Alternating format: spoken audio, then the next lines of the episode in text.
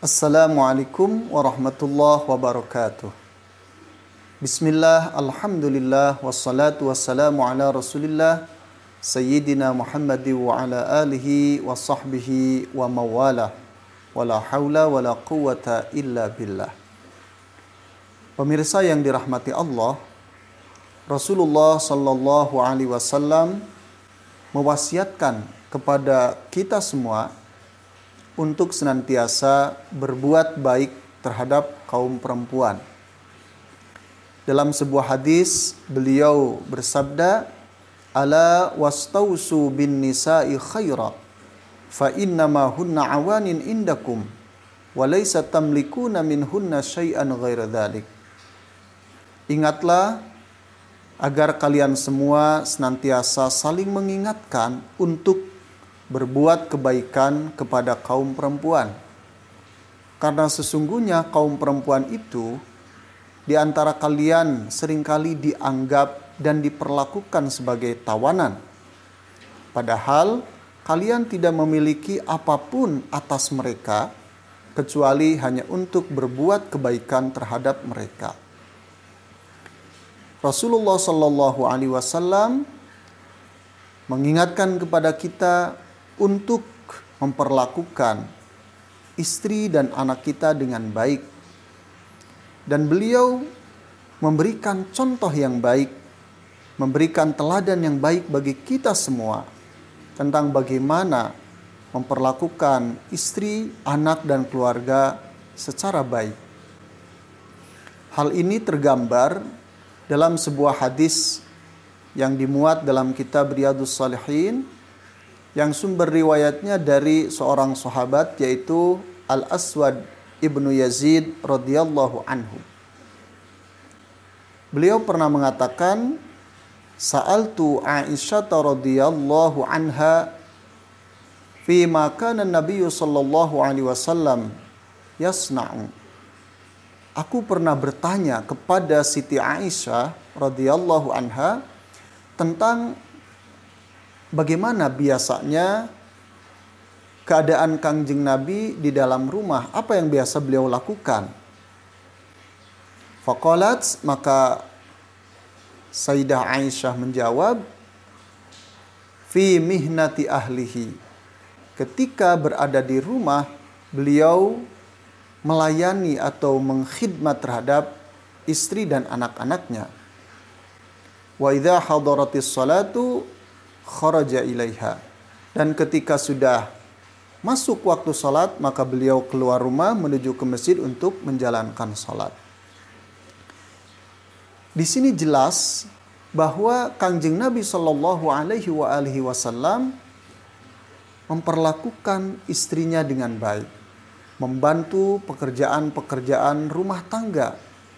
Bahkan beliau senantiasa melakukan pelayanan untuk dirinya sendiri karena tidak mau merepotkan kepada istri-istrinya. Beliau menjahit bajunya sendiri apabila ada yang sobek, memperbaiki sandalnya sendiri apabila sudah rusak, dan beliau pun memerah sendiri kambingnya untuk diambil air susunya. Ini tentu saja sebuah suri tauladan yang sangat baik bagi kita.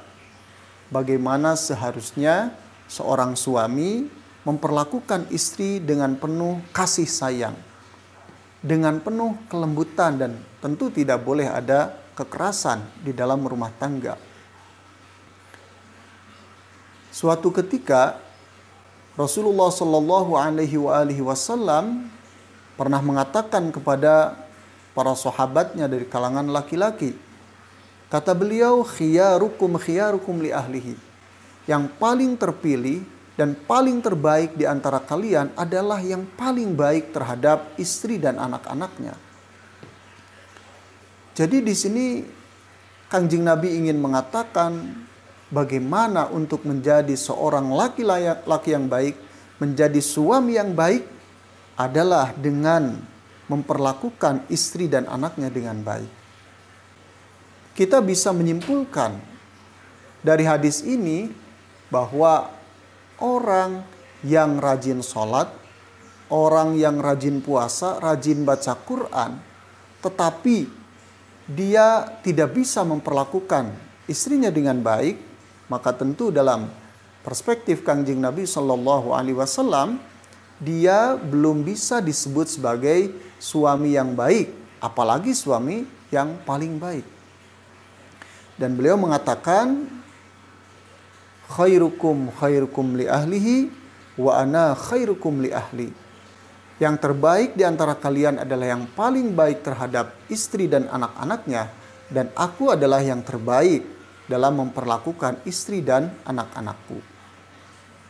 Sebuah keteladanan yang luar biasa dari baginda Rasulullah Sallallahu Alaihi Wasallam untuk kita semua, sehingga apabila kita mampu meneladani apa yang beliau lakukan terhadap istri dan anaknya, terhadap keluarganya, maka saya yakin kehidupan rumah tangga yang kita jalani akan lebih indah sehingga mampu mewujudkan rumahku adalah surgaku. Tapi sebaliknya, jika ini tidak dijadikan sebuah suri tauladan dan landasan bagaimana kita berhubungan di dalam kehidupan rumah tangga antara suami dengan istrinya, maka tentu saja akan sangat sulit mewujudkan keluarga yang sakinah, mawaddah, warahmah. Kemudian yang kedua, Kangjeng Nabi Shallallahu Alaihi Wasallam sering kali beliau menyampaikan kepada kaum laki-laki agar memiliki kepedulian terhadap kaum perempuan jangan merasa paling hebat dan jangan juga mengatur-ngatur kehidupan perempuan terlalu lebih jauh. Pernah ada seorang sahabat perempuan yang mengadu kepada Rasulullah Sallallahu Alaihi Wasallam karena dilarang oleh kaum laki-laki di kaumnya untuk masuk ke masjid. Maka Kangjeng Rasulullah Sallallahu Alaihi Wasallam di atas mimbar mengatakan la tamna'u ima Allah masajid Allah. Janganlah kalian melarang perempuan-perempuan hamba Allah untuk menuju ke rumah-rumah Allah. Jadi luar biasa semangat beliau untuk melakukan pembelaan terhadap kaum perempuan ini sangat-sangat uh, luar biasa.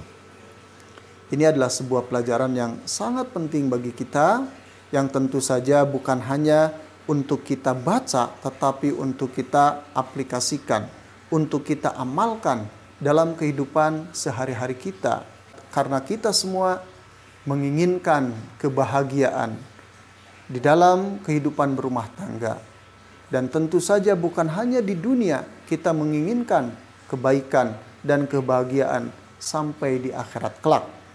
Maka caranya adalah meneladani Rasulullah Shallallahu Alaihi Wasallam di dalam memperlakukan istrinya dengan baik. Terakhir saya mengajak kepada seluruh kaum Adam, kepada para suami, mari kita meneladani akhlak Rasulullah Shallallahu Alaihi Wasallam yang senantiasa menunjukkan kasih sayang dan juga kelembutan kepada istrinya sehingga beliau mau berkhidmat terhadap istri dan anak-anaknya tidak mau merepotkan terhadap istrinya semata-mata karena beliau mencintai dan juga menyayangi istri dan anak-anaknya. Semoga kita mampu meneladani beliau dan mampu menjalankannya dalam kehidupan sehari-hari kita. Sekian dan terima kasih. والله يرحمنا بالرحمة التامة في الدين والدنيا والآخرة. والسلام عليكم ورحمة الله وبركاته.